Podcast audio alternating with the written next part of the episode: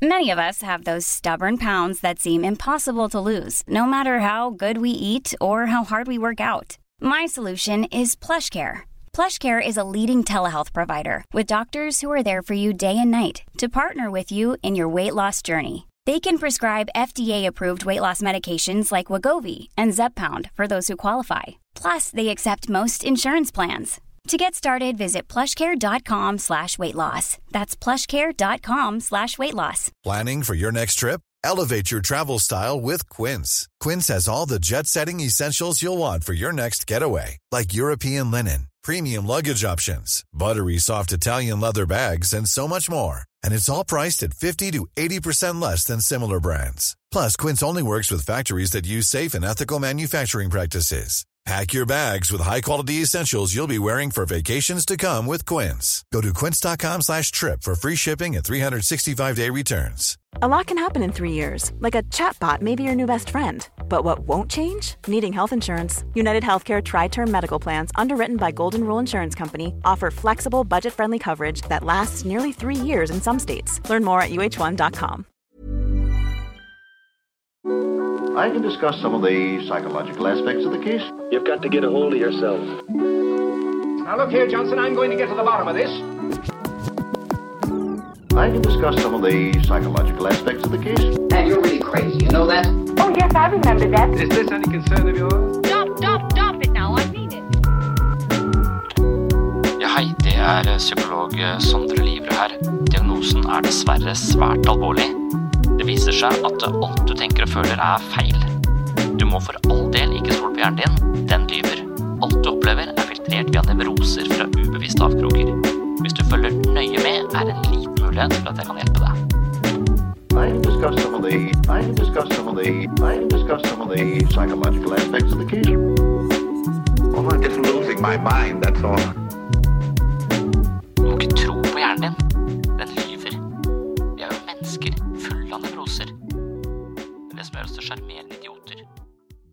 Myers-Briggs personlighetsindikator kan gi deg verdifull innsikt i hvordan du forholder deg til verden på linje med og til forskjell fra andre mennesker. Det er utrolig interessant. Med en kode på fire bokstaver fra Myers-Briggs kan man dykke ned i personligheten sin og avdekke seg selv på helt nye måter.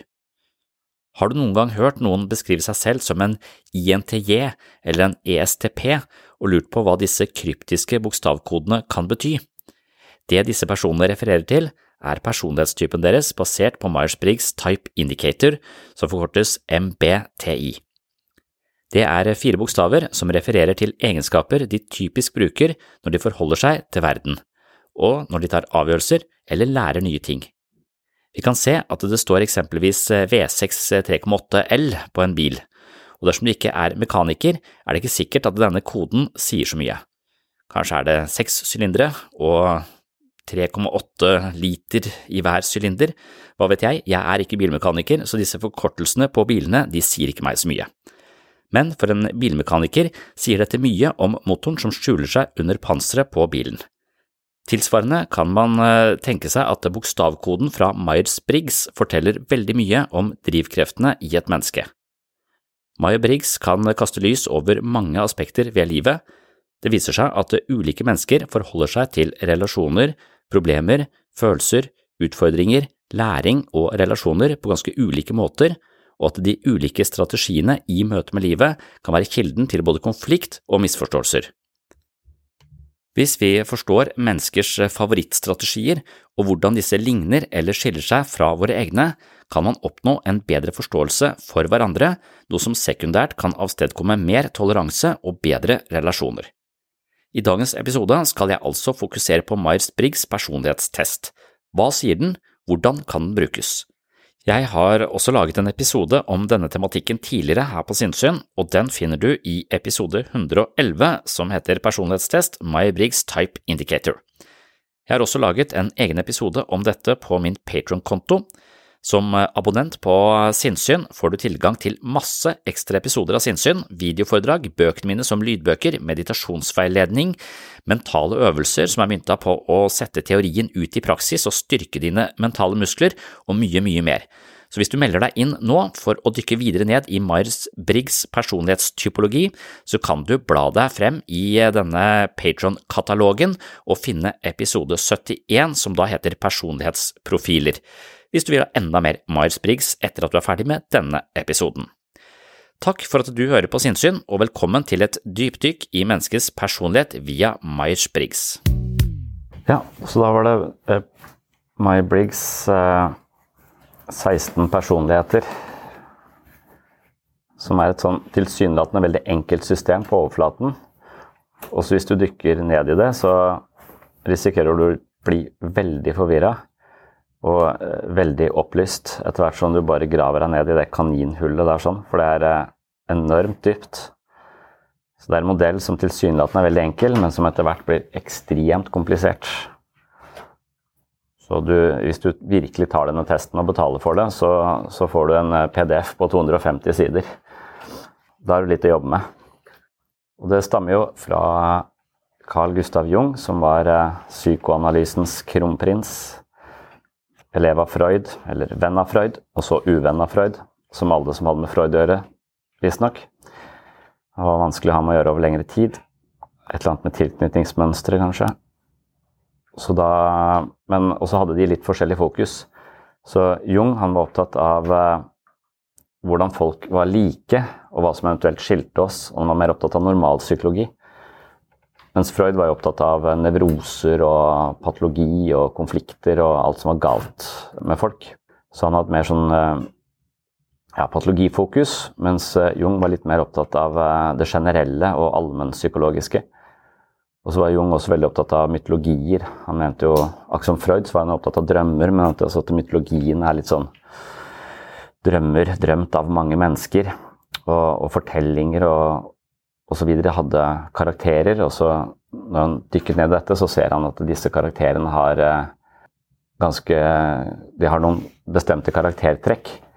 Og det finnes noen, Da mente han det finnes sånne type arketyper. Da, så når vi ser en serie eller har en favorittbok, så er det veldig ofte at det, hovedkarakteren i den favorittboka vår ligner på oss, på sett og vis. Hvordan vi liksom er skrudd sammen som mennesker. Sånn at vi har, eh, har, noen favorittmåter å lære ting på. Vi har noen favorittstrategier når vi skal ta valg.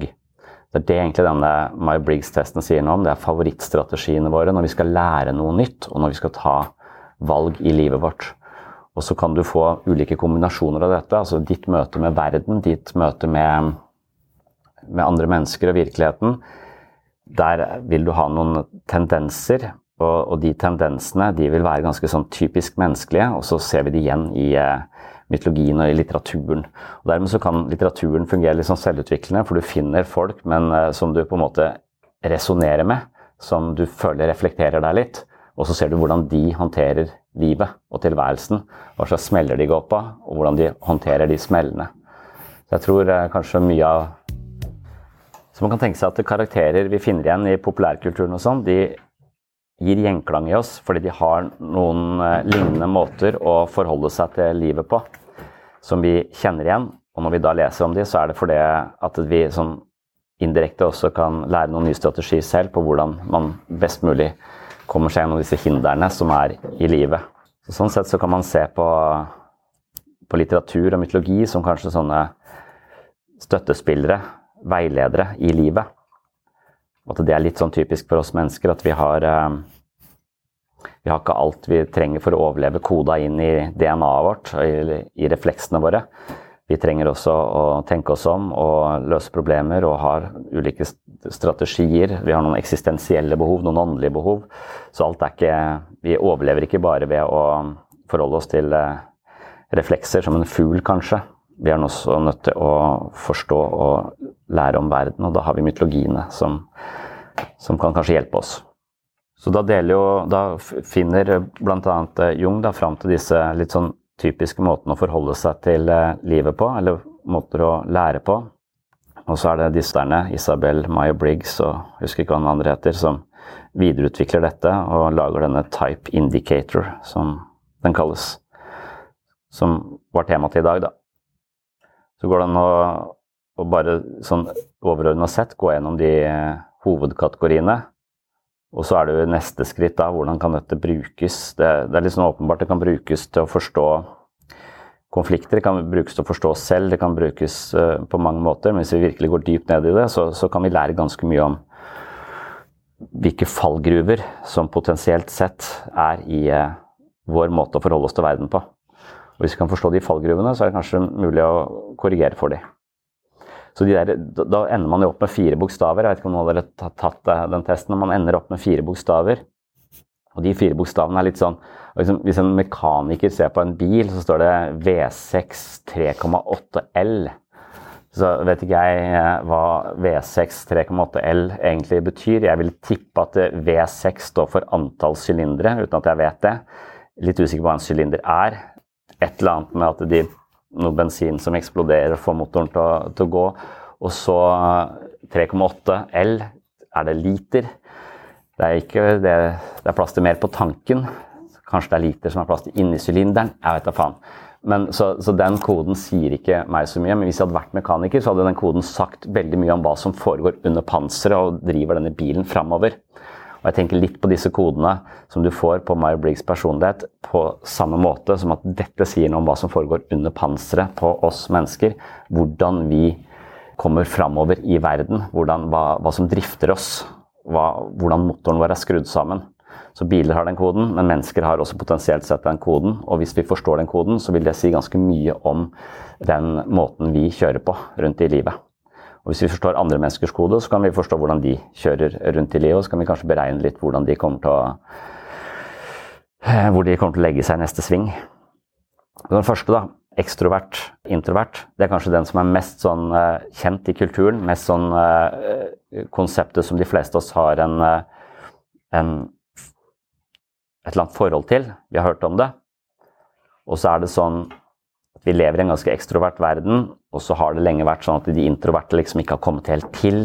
For man tenker at de ekstroverte er veldig ut, uh, utadgående, de er veldig sosiale, de er veldig på, de er veldig mye. Mens, uh, og det er de som blir hørt, og det er, de som, det er en veldig sånn dominans av ekstroverte i verden, mens de introverte kommer litt sånn i, i bakleksa. Men de senere åra har den trenden kanskje snudd. Kanskje det er mer populært nå å være introvert, eller si man er introvert, for det har liksom fått mye mer vind i seilene, spesielt etter en bok som het 'Quiet', som ga liksom en slags forståelse for at en introvert har også veldig mange kvaliteter. Så jeg vet ikke om det reflekteres på CV-en vår foreløpig. altså Introvert og fiendtlig er kanskje ikke noe man setter på, uh, på, på CV-en, men, men uh, for det er sånn at jeg er utadvendt og positiv. Altså ekstrovert og positiv.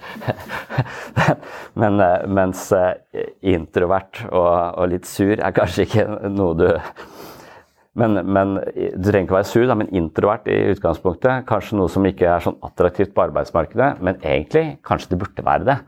For, for det står her et, en forskjell på det er at eh, ekstroverte de snakker mens de tenker. Mens de introverte de tenker seg litt om før de snakker. Og det er ikke alle områder eller alle bedrifter som trenger folk som eller Det kan være en fordel å tenke seg om før du snakker, innimellom. Så at den introverte har, absolutt har noe å komme med, det, det er vel ganske eh, åpenbart og blitt mer og mer satt på agendaen de seneste åra. Hva, hva, betyr det? Sånn jeg har fått forklart, så betyr det sånn at det, hvis du er ekstrovert, så er det verden der ute som er den virkelige verden. Hvis du er introvert, så er det den indre verden som er den virkelige verden, eller den virkeligste verden. Så vi har jo på en måte to. Vi har, vi har oss selv i den virkelige verden. Men vi har også et konsept om hvem vi er, som vi hele tiden må justere og forstå. Og det handler om den indre verden. Så hvis du bare er ute i den indre, eh, ytre verden, og bare lever og, og, håndterer ting der ute, så vil du nok forsømme den indre verden. Hvis du bare er i den indre verden, så vil du selvfølgelig forsømme den, den ytre, ytre verden. Så når jeg, hvis jeg eh, nærmer meg ubalanse, som ville være psykisk, eh, en eller annen form for psykisk plage, et eller annet symptom, så ville det være fordi at jeg forsvinner inn i den indre verden og slutter å forholde meg til den eh, ytre verden. Jeg tenker mye, det foregår mye på innsiden, og jeg isolerer meg fra, fra andre mennesker. En motsatt posisjon kan være at hvis det skjer mye vanskelige ting i livet, hvor du egentlig bør gå inn og reflektere litt over det, kanskje du mister noen, dødsfall, osv. bør gå litt inn og, tenke deg om. Hvis du ikke er liker å være i den indre verden, eller eh, ikke orker det, så vil du kanskje istedenfor å håndtere det med refleksjon og ettertanke, kjenne på sorgen, forstå sorgen osv., så, videre, så vil du kanskje bare gå på fest eller være sammen med folk eller jobbe litt mer, eller bare fortsette å håndtere verden der ute. Så går du på en annen type smell enn det jeg ville gått på. Så det introverte og den ekstroverte går kanskje på litt ulik smell. Men så er dette også bare Dette er jo ikke enten-eller, dette er jo et kontinuum. Så du er enten langt ut på det eh, Så det jeg snakket om nå, vil være en som er langt ut på det introverte, eller som er langt ut på det ekstroverte. Sånn at de fleste av oss vil være på et eller annet sted vil ha hovedfunksjonen vår, vår hovedstrategi, vil være enten helle mot det ekstroverte eller mot det introverte. Men så har vi også, hvis vi er hovedsakelig ekstroverte, så vil vi ha en, en hjelpefunksjon som er introvert, for å hjelpe oss til å håndtere dette på innsiden det, det, kan vi ta etter hvert, at vi ser for oss at vi kjører i en bil, og så er hovedfunksjonen din kan være introvert. Og For å ikke krasje da, så må du ha en ekstrovert kopilot som forteller noe om hvordan du skal forholde deg til det du, som skjer her inne, også i den ytre, i den ytre verden. Så Derfor så vil alle mennesker være det man kaller ambiverte. fordi de, de vil ha både det ekstroverte og det introverte, selvfølgelig. Men vi vil ha en, vi vil en favorittstrategi som regel i vårt forhold til, til verden. Så det er ganske, ganske kjent, da, ekstrovert introvert. Og så Det neste, sansende eh, og intuitiv, det mener mange er eh, en, eh, også en veldig sånn, viktig kategori som skiller mennesker fra hverandre. Mens når man ser på det ekstroverte og det introverte, da, så er det 50-50 i befolkningen. Halvparten er introverte, halvparten er ekstroverte.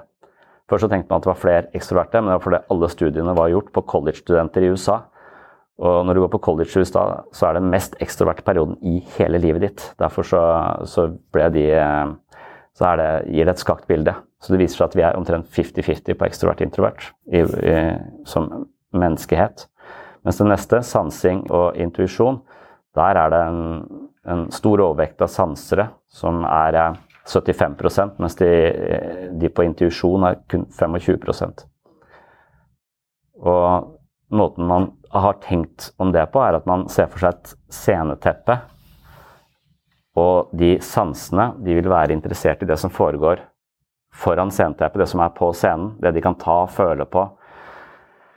Eh, det de kan veie, det de kan telle, det de kan se.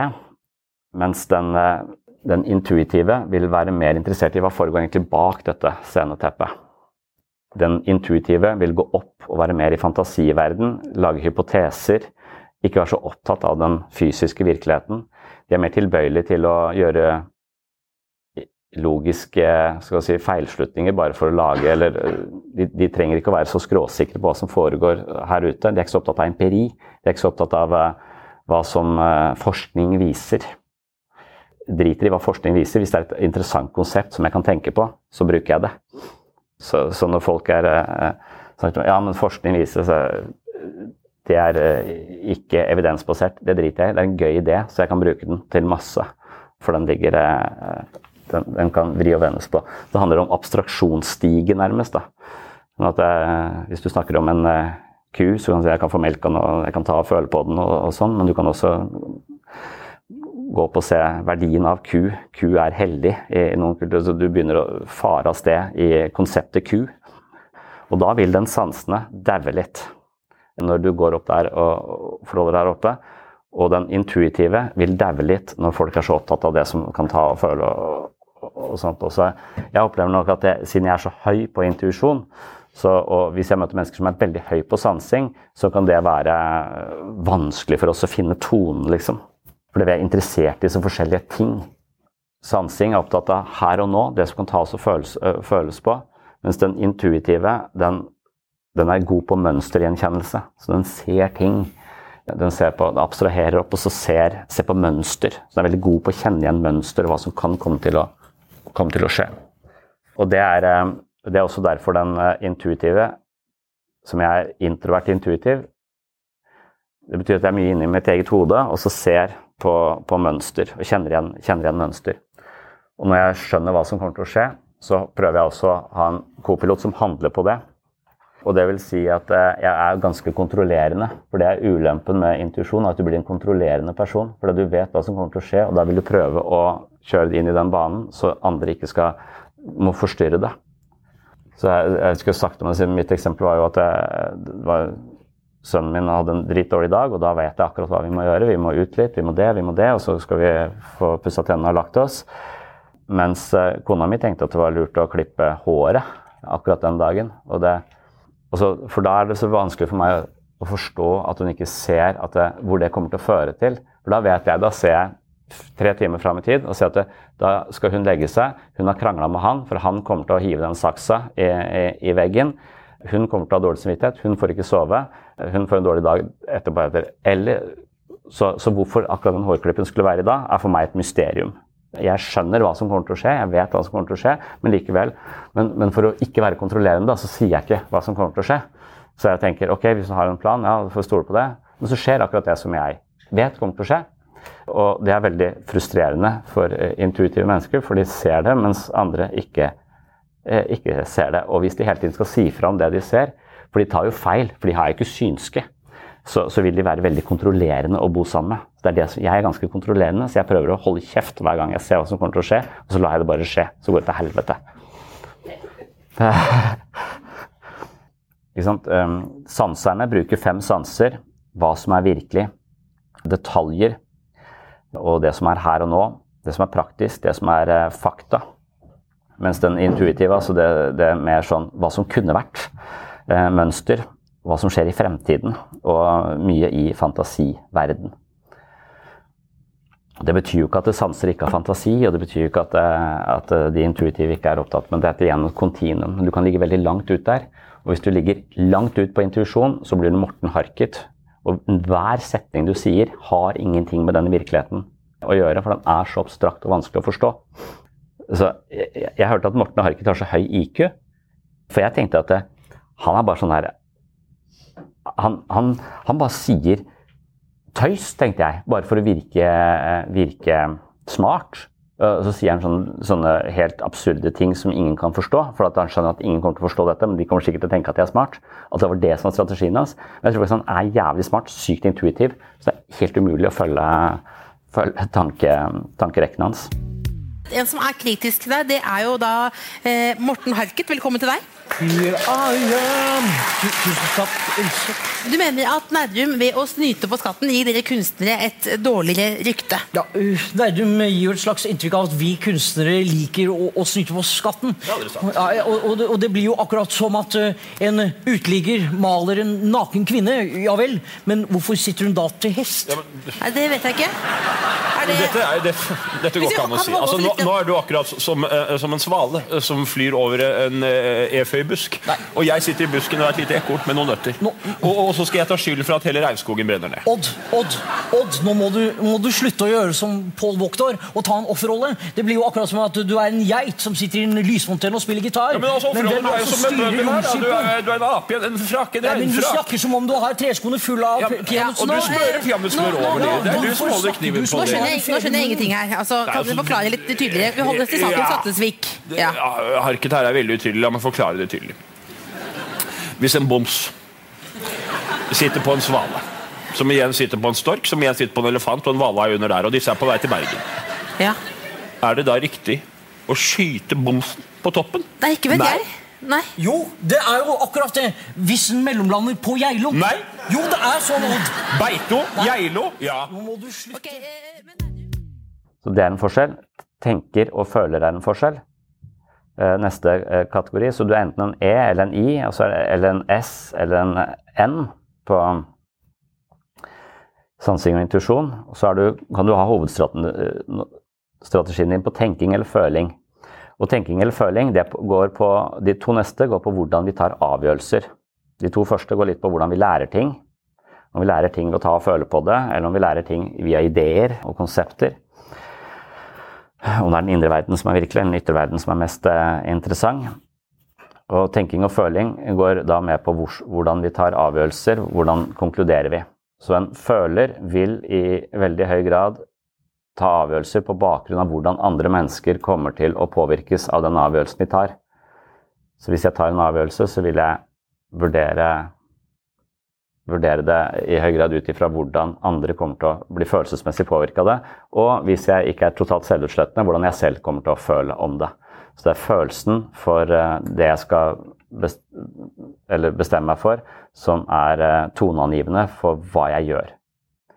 Mens uh, jeg er ikke så Jeg ligger midt imellom føling og tenking, så jeg bruker litt av begge deler. Men en, en, tenker vil Hvis du er en ekstrem tenker, så vil ikke følelsene spille så stor rolle.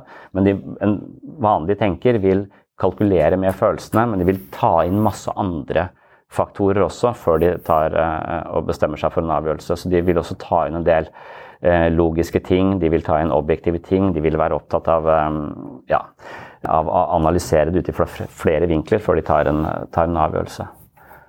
Som, så mitt eksempel, jeg tror jeg sa det sist også, at når jeg er der nede og trener nå etterpå, så putter jeg sånne ørepropper i ørene og hører på enten lydbok eller podkast eller, eller sånt noe, og stenger på en måte verden ute det er helt uaktuelt for dere, for dere tenker det virker jo helt fjernt eh, og antisosialt.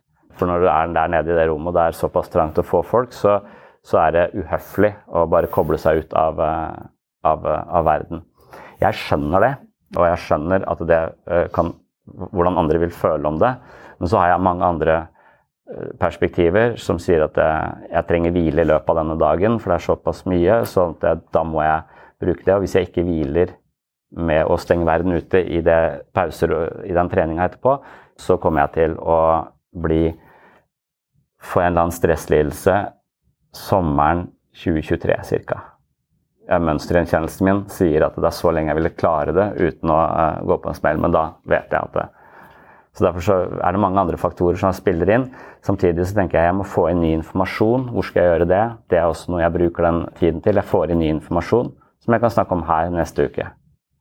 Sånn det, det, så da, da, da, kalkulerer jeg med at det, ok, jeg ser ut som en dust, men, eh, men eh, summa summarum så det, gir det mest verdi da. For eh, meg selv og for andre. Så det er, det er konklusjonen. Så når, følere, når ekstreme følere møter ekstreme tenkere, så vil følerne tenke du er en maskin, du er en robot. Hvordan i helvete, du er faen ikke et menneske, jeg tror ikke du har et hjerte. Og når en tenker ser på en føler, så sier jeg hva er du for en uh, ustabil klump? Hvordan kan du orientere deg rundt i livet ditt på bakgrunn av hvordan du føler det nå og da? Er så, du, du, er jo totalt ustabil. Det er umulig å manøvrere. Det er som å ha et kompass som bare svirrer. Liksom. Det er helt merkverdig at du i det hele tatt klarer å finne veien hjem. Det er sånn, så, så tenkere vil ikke forstå følere, og følere vil ikke, vil ikke vil synes at tenkere er kalde. Og det er i ekstrem forstand for alle. Det er jo ingen følere som ikke tenker, og ingen tenkere som ikke føler. så derfor er det jo ikke noe, noe Men, men hvis, du, hvis, du, er langt ute på kontinuumet her, så, så vil, det, vil, det, ofte krasje. For prioriteringene blir så annerledes. Så hvis du føler mye, så blir du sikkert en person som er godt likt. ikke sant? Du blir kanskje ha veldig gode relasjoner. Du vil være flink med mennesker. Mens en tenker vil eh, kalkulere på andre måter som skaper mer avstand, mer eh, analytisk, mer logisk, mindre relasjonell eventuelt. Så det er fordeler og ulemper på begge disse, disse sidene. Og så mener eh, Jung at det, eller det er Psykoanalytikere i kjølvannet Jung mener at det er følertypen i kombinasjonen med det andre her. Jeg tror det er perceiver og føling som, som er den psykodynamiske forklaringen på ADHD. Det sa vi vel sist også at det er. There's never been a faster or easier way to start your weight loss journey than with PlushCare. PlushCare accepts most insurance plans and gives you online access to board-certified physicians who can prescribe FDA-approved weight loss medications like Wigovi and Zepbound for those who qualify.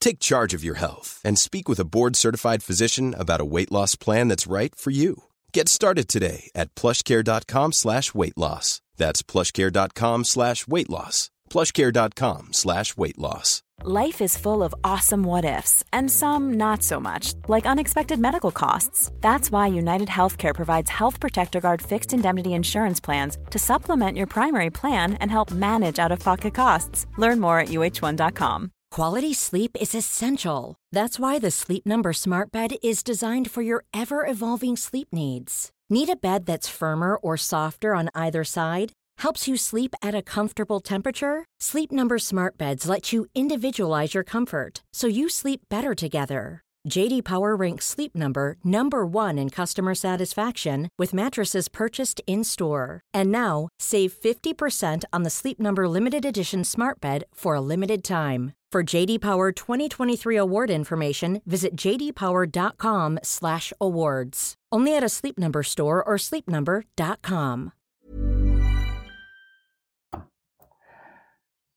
Det er de menneskene som eh, gjør ting eller tar avgjørelser på bakgrunn av hvordan de føler om det, som har vanskelighet med å konsentrere seg om ting som er kjedelig.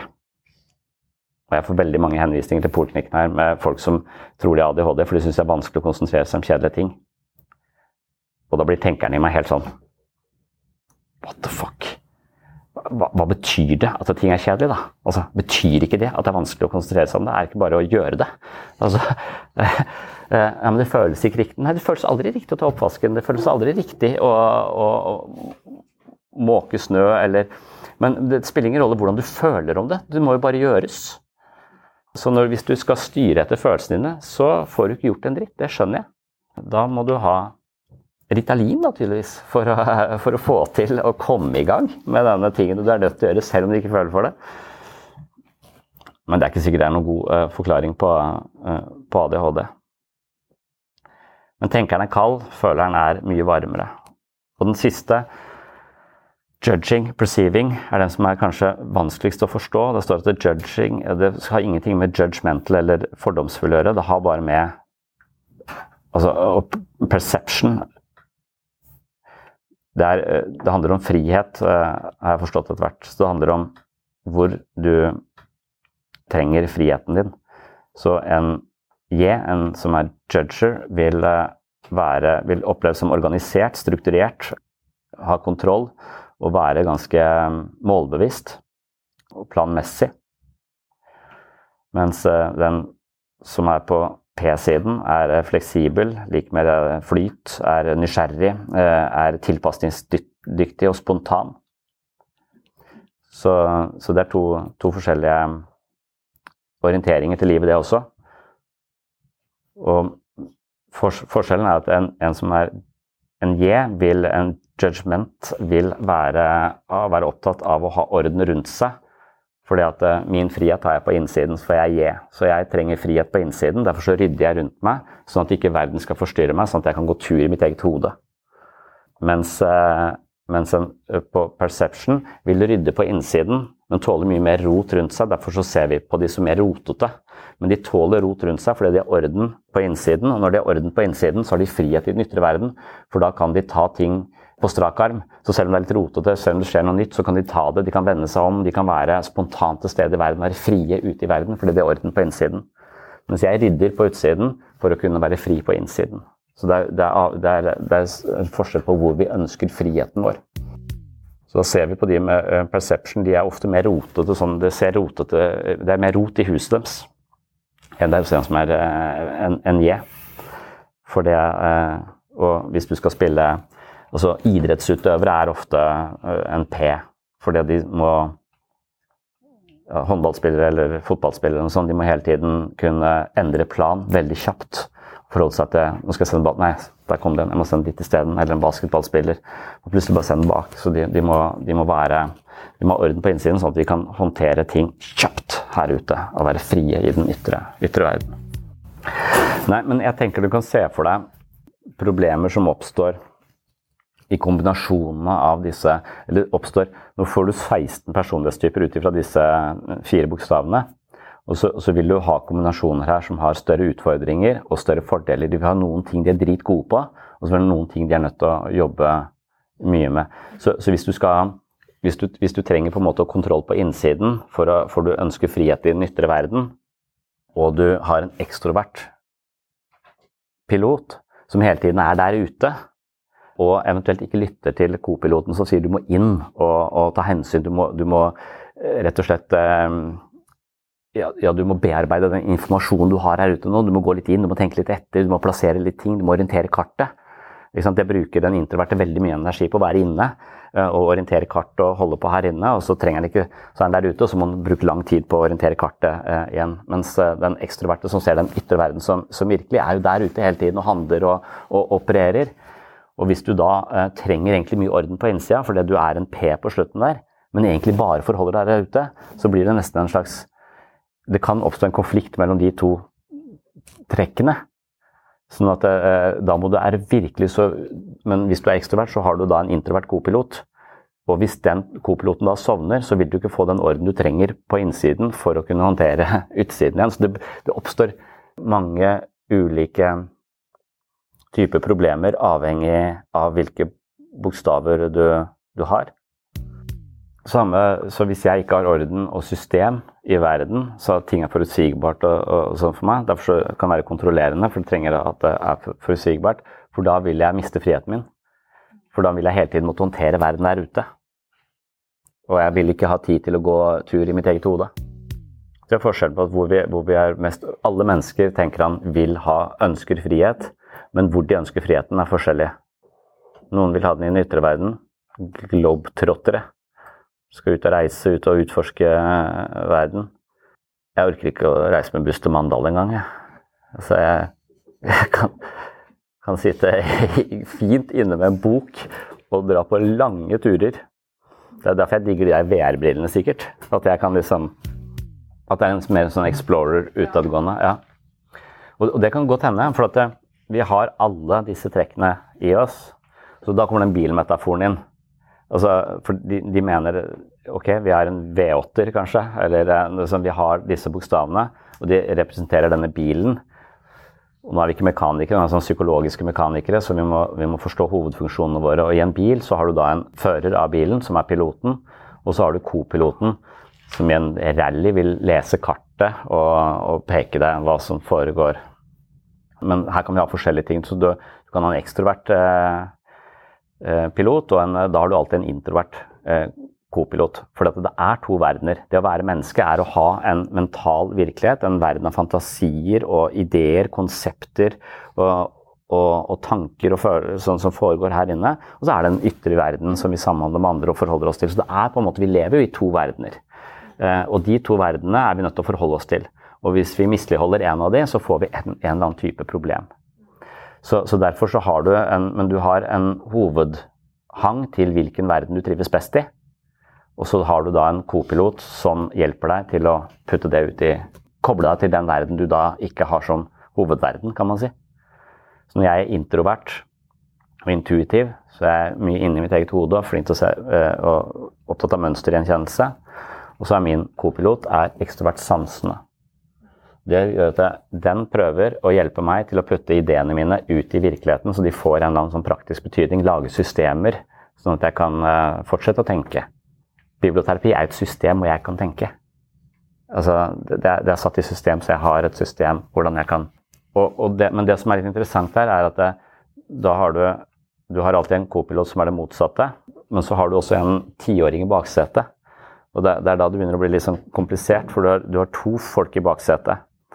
Tiåringen som sitter tilbake til som du kan se sånn, som også uh, er en del av bildet, vil være samme som din hovedfunksjon men den kan ha en annen ja, det, det kalles det, Dette er men La oss si for min del da, så, så, vil det være at jeg er introvert eh, i, som pilot og intuitiv, mens eh, hun, den som sitter i baksetet, er også introvert, men følende. Eh, så jeg har en mer utvikla tenker enn jeg har føler, men tiåringen er følende. Men den er introvert følende. Og, og, det som skjer, for det som er min fallgruve, vil være at jeg ikke tar hensyn til den ytre, ytre verden. Ikke kobler meg på folk og relasjoner og sånn, sånn at jeg holder kontakten godt med den ytre verden. fordi at det, når jeg f.eks. får problemer, så tenker jeg ah, fuck, da gidder jeg ikke den verden. Eller oh, da, nei, jeg vil, ikke, vil, ikke, forholde meg til det. Jeg vil bare inn i meg selv og løse dette. Jeg vil ut i garasjen og tenke, liksom. Jeg har ikke noen garasje, jeg liker meg ikke i garasjen, men det er sånn type, jeg vil bare vekk og inn i meg selv. Og, og vil, da vil den tiåringen bak deg si ja, for verden er et du suger. Så den tiåringen vil også være introvert. Så den vil, den vil backe opp den dårlige strategien som hopper bukk over kopiloten. Så, så, veldig ofte så vil den da bare støtte opp under det litt destruktive prosjektet om å trekke seg unna verden. Ja, Tiåringen er tiåring fordi den er mentalt utvikla ti år. Så, så pga. at vi har noen hovedstrategier, så er de vi har velutvikla. Så de fleste av oss har en velutvikla De to voksne i bilen er de som sitter i, føre, i forsetene. Mens de mindre utvikla delene av oss sitter i baksetet. Men de spiller også en rolle. Sånn det, men, men sånn jeg har forklart min, min, reaksjon da, hvis jeg kommer, blir såpass hardt pressa og systemene mine kollapser, så, så, blir jeg ti år. Og i en krangel da så vil jeg bare trekke meg unna og bare gå og gnage på disse følelsene i meg selv. Og bare la de kjøre rundt i meg selv. Være på et veldig mørkt sted. Vil ikke ha noe med, nå kan jeg ikke snakke med deg, nå må jeg prosessere dette i to dager. Og så, og så møter du meg ikke på, på to dager, for da, da, sitter denne tiåringen og gnager, gnager eh, på, på, det her sånn. Men det går også an å se på tiåringen. Tiåringen er også min kilde til empati. For jeg, tiåringen er veldig sensitiv og følsom. Så den tar ting veldig lett til seg og føler veldig mye på hvordan det som skjer i den ytre verden, påvirker meg. Og den erfaringen den kan den spille inn til min co-pilot, som er min kontakt med omverdenen. Så for at jeg skal vite hva andre mennesker føler, så må jeg høre med tiåringen. For tiåringen har veldig kontakt med sine følelser, og da kan jeg ut ifra det anta at andre mennesker føler omtrent det samme. Men i og med at jeg har basta og bunta denne tiåringen og gaffateipa denne tiåringen som ikke skal ha noe innflytelse på livet mitt, for den er jo ti år bare, så, så, så, skorter det på empatien. med andre, eh, altså Jeg må lytte. Jeg må, så, så, du kan bruke de, disse elementene. er viktig å inkludere i, eh, i, i, livet ditt, men veldig ofte så er det co-piloten din som du ikke tar hensyn til. For den, du orker ikke at en annen voksen person skal komme inn på denne festen og krasje det. Komme med sånne jævla gode råd. Ja, men nå burde du gå og snakke med den. Fuck you! Det er det, er det som skjer når du, når du mister kontrollen over bilen din. Det er veldig ofte at co-piloten din ikke får lov til å koble deg til enten den indre verden, hvor du må tenke etter på det som skjer der ute, eller Eh, den ytre verden. Du må ta hensyn til det som skjer der, eh, der ute. Og da, en, i en sånn kollaps hvor co-piloten har sovna, eller ikke, du ikke gidder å høre på den, så vil eh, tiåringen støtte deg. Og hvis du har en ekstrovert tiåring da, så, så vil den ekstroverte tiåringen si Åh, ikke tenk mer på den der. Hvis du begynner å tenke på denne begravelsen, hvis du begynner å tenke på den konflikten, da kommer du til å bli suicidal. Du kommer, til, du kommer til å bli overvelda av følelser. Du må bare slutte, du må ikke tenke på det. Du må bare ut og feste. Så bare kjør på, bare kjør på mer ut i den nytte. Bare drikk mer. Det er det som, er, det er det som hjelper nå. Du, ikke, du, må ikke begynne å tenke på dette. Da går du helt til grunne. Jeg snakket med en, eh, dame på listen som hadde, hadde hatt angst i fem år. Og så, og så, spurte jeg sånn Men hva tror du ligger bak den angsten? Hva skyldes denne angsten? Det har jeg aldri tenkt på. Så du har gått rundt med angst i fem år uten å tenke på hva det skyldes. For meg er det sånn Og det er nok fordi at den co-piloten som skal orientere henne mot det indre, er totalt Altså, de har satt henne av på et busstopp i Drøbak, liksom. Altså, har du kjørt videre uten denne, denne, denne co-piloten? Så, så ethvert spørsmål som handler om da og hvordan har du integrert dette, hva er det disse, alle disse tapene i, i ditt liv, hvordan har det falt ned deg, hvordan har du håndtert denne sorgen, alt det som foregår på innsiden? Totalt neglisjert. Bare sammen med, med venner ute hele tiden. Og så blir de plutselig ramma av sånn voldsom angst som bare er kroppslig. Og, og ikke noe tanke for at det annen, altså det handler om en slags manglende vedlikehold på innsiden. Og når du da sitter der og kjører, så har du faen satt deg For meg så virker det som det er, så, det, er så, det er så, merkelig for meg at ikke du har brukt ekstremt mye tid i ditt eget hode til å, å kontemplere denne ubehaget eh, eh, og denne eh, frykten som har dukket opp. Hvorfor ikke det du Jeg kunne brukt Med en gang det har dukket opp sånn angst, så, så har jeg noe å jobbe med i ukevis på innsiden. Uten at jeg trenger å snakke med noen. Men da lager jeg jo, får jeg bare støtte av en tiåring, så blir det ganske dårlige forklaringer. Så da bør jeg også, også ut. ikke sant? Men, eh, men, denne personen vil bare håndtere det og være mer ute i verden. Du har treåringen. Mm. For rett bak deg sitter treåringen, og den sitter rett bak deg. Fordi det er, den, det er det setet i bilen du selv ikke ser som sjåfør. Så den treåringen er totalt ubevisst. Jo, det, men eh, du kan ut ifra disse, disse utgreiningene her vite Eh, hva den treåringen representerer. Men, det er, men det, er ube, det, er, stort sett ubevisst, men den kommer jo også til overflaten. Så for meg så er det ekstrovert føling. Og det kommer til uttrykk når jeg totalt mista kontrollen over bilen. Jeg står og sparker i et Ikea-møbel. Altså det, er, det er utagerende følelser på treårsnivå. Helvetes ta de jævla svenskene! Og så bom, sparker jeg til han der Kamprad, eller hva han heter for noe. Liksom. Og, og, og, hvis den treåringen får tatt fatt på uh, den, den, må jo Den må ikke møte andre folk når den er på treårsnivå. da må co-piloten virkelig steppe inn. For da blir jeg jo Ja. Det er jo der det blir den derre barnslige raseriet, nærmest. da. Eller de barnslige. Også en lekenhet der. ikke sant? Så det, alt, det å være sjenert eller alt sånt, det tror jeg også kan ha utrolig mange andre Så det er masse andre psykologiske ting som kommer til å spille inn. Tilknytning, alt mulig som kommer til å spille inn. Men det kan nok virke Jeg tror de mener at dette her er litt sånn halvveis medfucked-aktige tendenser, eller akkurat hvordan du havner som den, i den favorittstrategien. Men de har, også, de har jo mange sånne eh, podkaster som handler om hvis du er en sansende mor til et intuitivt barn, så, så er det nok ofte at eh, folk kan få en litt sånn nesten sånn katarsisaktig opplevelse. 'Å ja, derfor, ja!' Altså At de føler en slags mismatch med barna sine, eller de er helt annerledes. Og så at, det, at dette kan Å ja, de, de, de, har en sånn motor, de drives på den måten. Og at det, Fordelen med dette her systemet er at du kan lett føle at du skjønner at du ikke er feil. Du er bare eh, skrudd litt annerledes. Du problemløser på en litt annen måte. Og den problemløsningsmåten er ikke noe dårligere enn andre problemløsnings... Det er ikke noe bedre å tenke enn å føle. For hvis du er veldig god på å ta avgjørelser på følelser, så du, da har du kultivert det lenge og er ekspert, liksom. Og du kan ha masse, masse gode egenskaper. Situasjoner i livet ditt hvor det vil være en kjempestyrke, men også noen hvor det er en ulempe. På samme måte hele hele, hele tiden. Og, men det som vi snakket om i stad, er jo kanskje at den intuitive føler seg ofte litt aleine eller dum, fordi at den, den, eh, den, bruker Hvis du er introvert også og intuitiv, så bruker du så mye tid i sånne konsepter og tåkelandskap, liksom.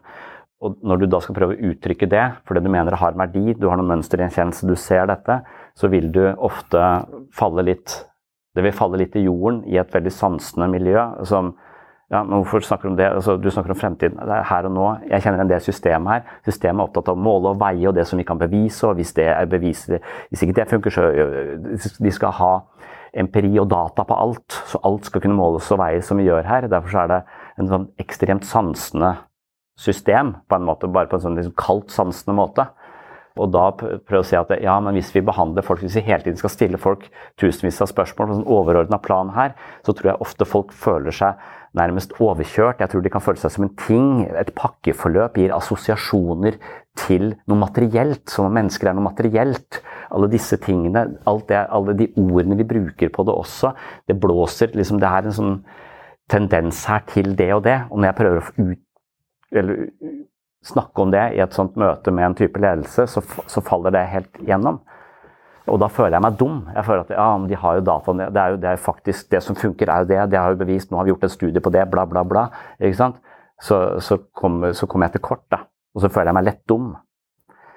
Men, men når jeg da skjønner at det er pga. mine intuitive sider, og at det også har en kvalitet, bare at den klarte ikke å gjøre seg gjeldende i denne settingen, så trenger jeg ikke føle meg dum lenger. Jeg kan bare se at jeg, mine perspektiver er annerledes eh, enn de som er gjeldende.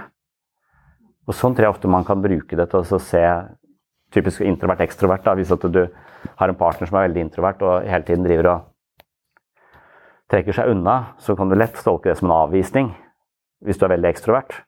Men hvis du forstår at det er den, den behovet for hele tiden hente energi og hvile og, og rekapitulere på en måte i, i, seg selv, i sin indre verden, for så å kunne ha mer å gi den ytre, så, så trenger du ikke ta det som en avvisning lenger.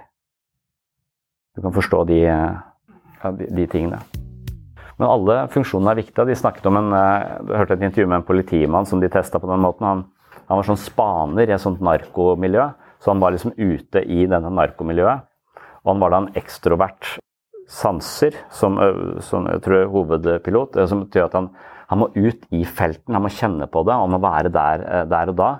Og han er en perceiver, sånn at han kan ta ting kjapt. Sånn at han er liksom ute Eh, ute i felten og møter disse litt, disse litt farlige kriminelle miljøene. Og han må være der og se på det for å kunne på en måte få en, få en forståelse av det. Men, men uh, hans uh, tiåring er, er, da intuitiv. Og det er en intuitive som kan se mønstrene. Så han må koble inn tiåringen når han er på jobb, for når han da møter disse folka, så må han begynne å bruke tiåring til å forstå når de oppfører seg sånn, hva kommer de til å gjøre om en time, eller på det oppdraget, eller når vi skal ut og gjøre sånn og sånn. Sånn at han bruker da dette mønstergjenkjennelsen, men han kan ikke bruke mønstergjenkjennelsen uten å være til stede i, i materien sammen med mennesket tett på hverandre. Da kan han bruke mønstergjenkjennelsen sin, som ligger i baksetet. Så det er viktig for han å ha den med for å kunne forutse de situasjonene han er i. Men hvis han dagen i forveien begynner å prøve å bruke mønsterkjennelse, hva kan komme til å skje i morgen, så har han ikke dataen som skal til. Han har det ikke på pulsen. Så Da vil han bare sitte og gruble og kjøre seg fast i det kan til det kan til Så det blir sånn destruktiv grubling. Så han må ikke koble inn tiåringen sin dagen før oppdraget. For, for, da, for da, da, blir han sånn nevrotisk. Sånn, for det kan skje, den, den, vil ikke, den, vil ikke, kunne klare det uten å ha kobla på sansene hans, som er i, i verden, liksom. Og, og, da er det viktig å være perceiving, for man må ta det kjapt. Hvis han er, judging, så hadde han aldri gått dit. Han hadde aldri blitt spaner. For du må ha fullstendig kontroll på den situasjonen. Jeg hadde aldri blitt en spaner. Jeg hadde aldri gått inn i et eller annet hus fullt av uh, ja, Jeg hadde ikke invitert meg inn til Bandidos, liksom. Sånn, og syns at det er helt eh, en situasjon jeg ikke kan forutse. Ingen mønstergjenkjennelse kobla til Bandidos i det hele tatt. Bortsett fra det jeg har sett på film. og det holder ikke til å føle seg trygg inni det, inni det huset. Jeg, ja, det er, det er et tynt, tynt grunnlag. Dermed så sier denne testen også veldig mye om hvis du tar den nye, og det er forslag til yrker. Jeg vet ikke. Vil vil kanskje foreslå at perception?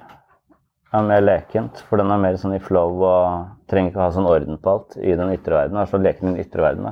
Men det, det ville være leken på innsiden eller på utsiden. Jeg jo åpenbart kan leke på innsiden, for jeg, jeg, kan se hva tanken, hva hjernen min kommer opp med, liksom. For hvis jeg har orden på utsiden. Men ikke hvis jeg ikke har orden på utsiden. Da vet ikke jeg Derfor så vil jo uforutsigbare situasjoner inne hos Bandidos, så blir det vanskelig for meg å være leken til stede i de tankene som dukker opp. Slår ikke av en spøk da, liksom sånn, bare for det dukket opp i hodet. Så leken på innsiden, mens leken på utsiden vil kanskje være en danser eller, eller med sansene, kanskje med musiker. En, jeg tror nok ikke det er Man kan nok være leken både på, på innsiden og på utsiden. Det er kanskje det som liksom gjør han der Arne Næss så problematisk for meg, for han, er, han virker for meg som en slags ekstrovert leken person. Han er veldig leken, men måten han leker på er han driver bokser på folk hele tida. Så i hvert intervju så skal han bokse med de Han skal liksom leke på en sånn fysisk måte. Og når ikke Og når den verden ikke er så viktig for meg, så vil det virkelig sånn weird å drive og bokse og leke i den ytre, ytre verden. Jeg lurer på hvem som er mest utro, jeg. Eh, av de pro profilene. Fordi at eh, eller Spesielt da på den der, for jeg hørte på den der eh, introversjon, ekstroversjon, så sier de at en, en introvert kan eh, også ofte det, er ikke sikkert at den ekstroverte er den som er så veldig outgoing, og den introverte er sjenert og tilbaketrukken. Det er en sånn misforståelse av det. det. er veldig mange veldig utadgående mennesker som er introverte, og, og, så, og så videre. Men, um, så det er en litt misforståelse, og spesielt det der med at en, en in, introverte kan langsomt også trenger tid for seg selv i sitt eget hode, men den kan internalisere andre mennesker på en måte. Som de kaller for å internalisere det i hjertet. Så hvis det er noen du er veldig tett på og vært tett på veldig lenge, så kan de bli en del av din eh, introverte verden, nærmest. Eller de kan bli en del, de kan flytte inn i den sona, og du kan være sammen med de og fortsatt føle at du er aleine. Du, du, du har en kontakt med dem, og, og, du samhandler med dem, og du, du, henter fortsatt energi. Så du trenger ikke være mutters alene for å hente energi. Du kan, du kan være sammen med andre og hente like mye energi. Så f.eks. en partner, hvis du klarer det, å få den partneren til å være en del av uh, dette, dette, systemet, så, så, vil du Det er det jeg tenker selv at jeg som hadde en fantasi om å være aleine på hytta veldig lenge. Mange mange år inn i et uh, ekteskap hvor jeg følte at å, nå er egentlig fantasi om at vi to kan reise på hytta og være aleine. For jeg kan fortsatt nå hente energi sammen med deg. Altså jeg trenger ikke å være helt mutters aleine. Så, så det er en mulighet. Og da, da, mener jeg at de introverte har mye større kapasitet til å være sammen med folk over mye lengre tid enn en, en, de ekstroverte. For de ekstroverte trenger veldig ofte ny energi utenfra. Så hvis de er sammen med partneren sin veldig lenge, så blir de drittlei, og så må de ut og så eh, hente noen nye impulser. og så komme tilbake igjen. Det betyr jo ikke utroskap, da, men jeg tenker kanskje at utroskapet ville ligge, være høyere frekvens av det på det ekstroverte. Men jeg, jeg vet ikke.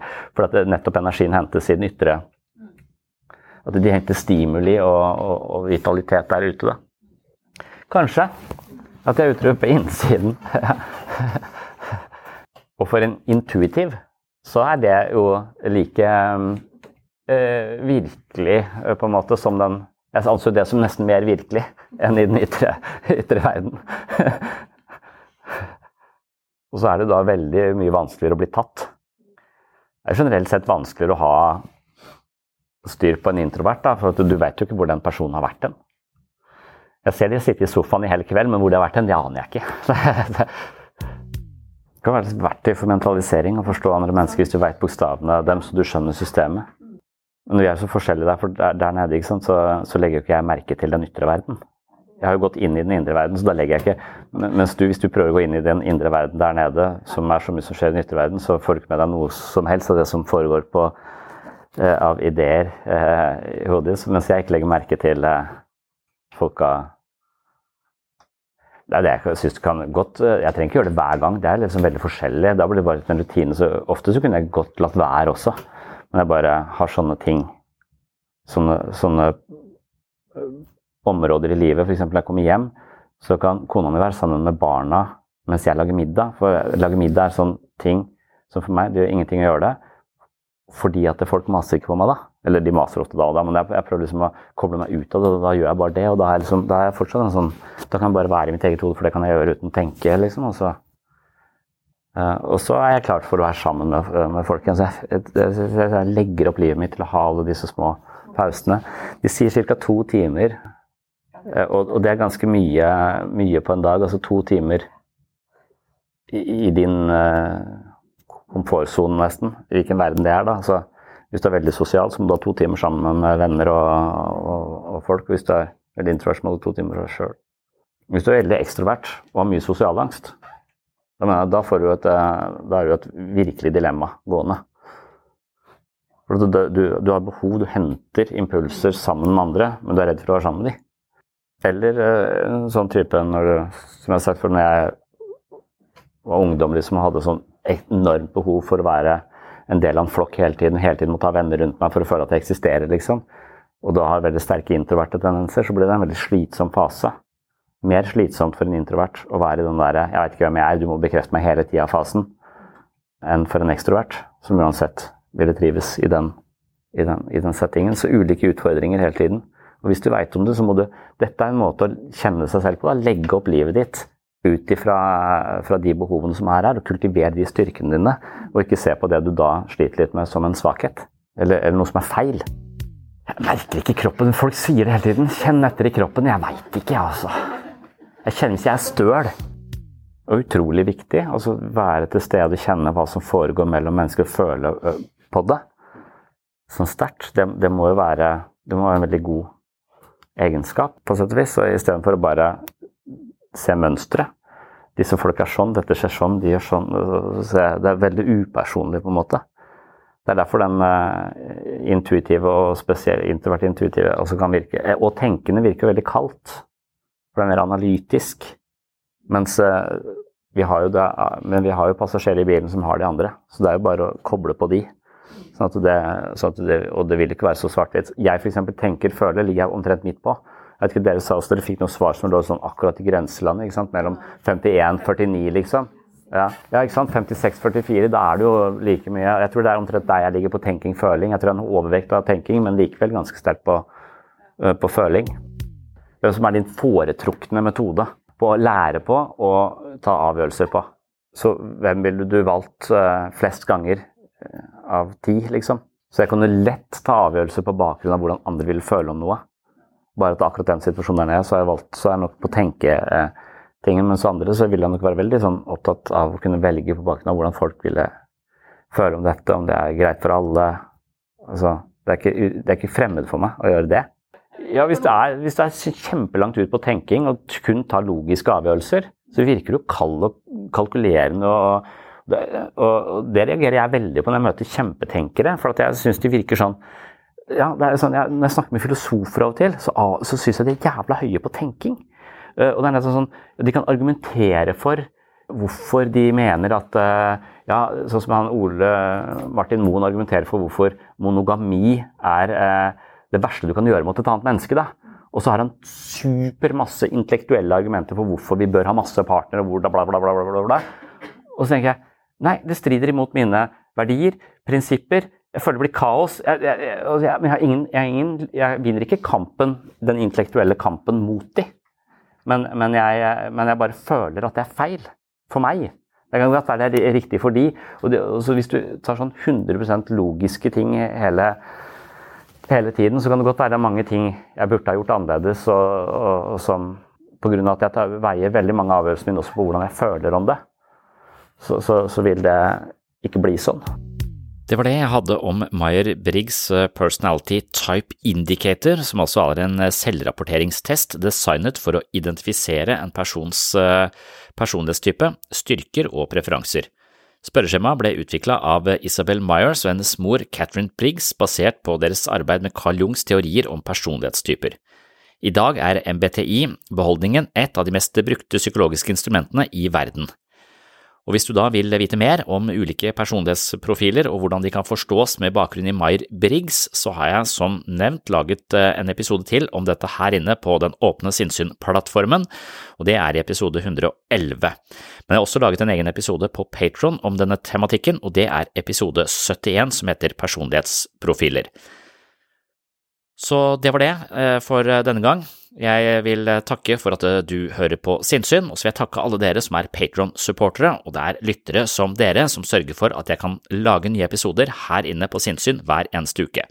Så hvis du finner verdi her på Sinnsyn, vil ha mer sinnsyn hver uke og har lyst til å støtte prosjektet, så kan du også tegne et abonnement for 50 eh, kroner i måneden, 80 kroner i måneden eller litt over 100 kroner i måneden, så vidt jeg kan huske. Jeg husker ikke akkurat disse forskjellige Eh, nivåene, og på hvert nivå så får du også masse ekstramateriale fra denne podkasten, og du vil også da være med på å sørge for at jeg kan prioritere dette prosjektet hver eneste uke, for det er både tidkrevende og kostnadskrevende, og derfor så trenger jeg en form for finansiering, og det får jeg nå via disse Patron-supporterne. Så tusen hjertelig takk til dere som støtter denne podkasten. Det er som sagt dere som eh, er årsaken til at denne podkasten ikke har eh, dødd ut, men eh, fortsetter å eksistere i beste velgående, og jeg elsker jo å drive med dette her. Jeg elsker å fordype meg i psykologi, snakke om psykologi, prøve å forstå nye teorier, og det kan jeg nå gjøre store deler av uka mi på grunn av Patron-supportere. Så tusen hjertelig takk.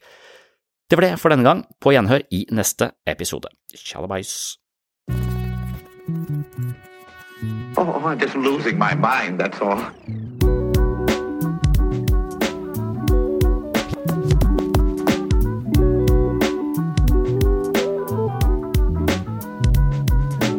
I can discuss some of the I can discuss some of the I can discuss some of the psychological aspects of the case. Psycho, psycho, psychological aspects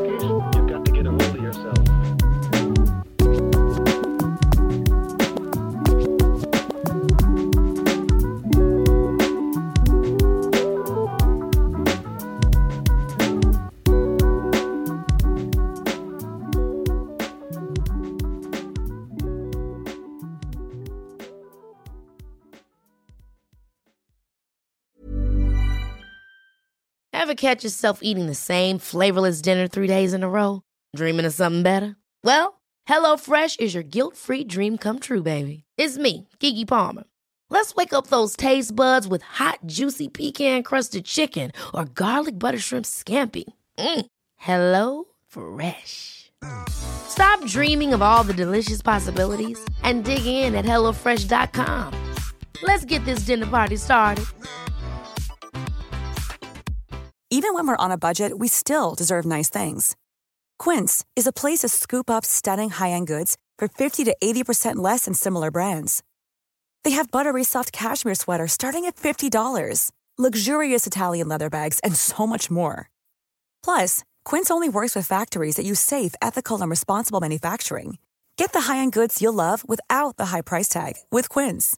Go to quince.com/style for free shipping and 365-day returns. Mom deserves the best, and there's no better place to shop for Mother's Day than Whole Foods Market. They're your destination for unbeatable savings, from premium gifts to show-stopping flowers and irresistible desserts. Start by saving 33% with Prime on all body care and candles. Then get a 15-stem bunch of tulips for just $9.99 each with Prime. Round out Mom's menu with festive rosé, irresistible berry chantilly cake, and more special treats. Come celebrate Mother's Day at Whole Foods Market.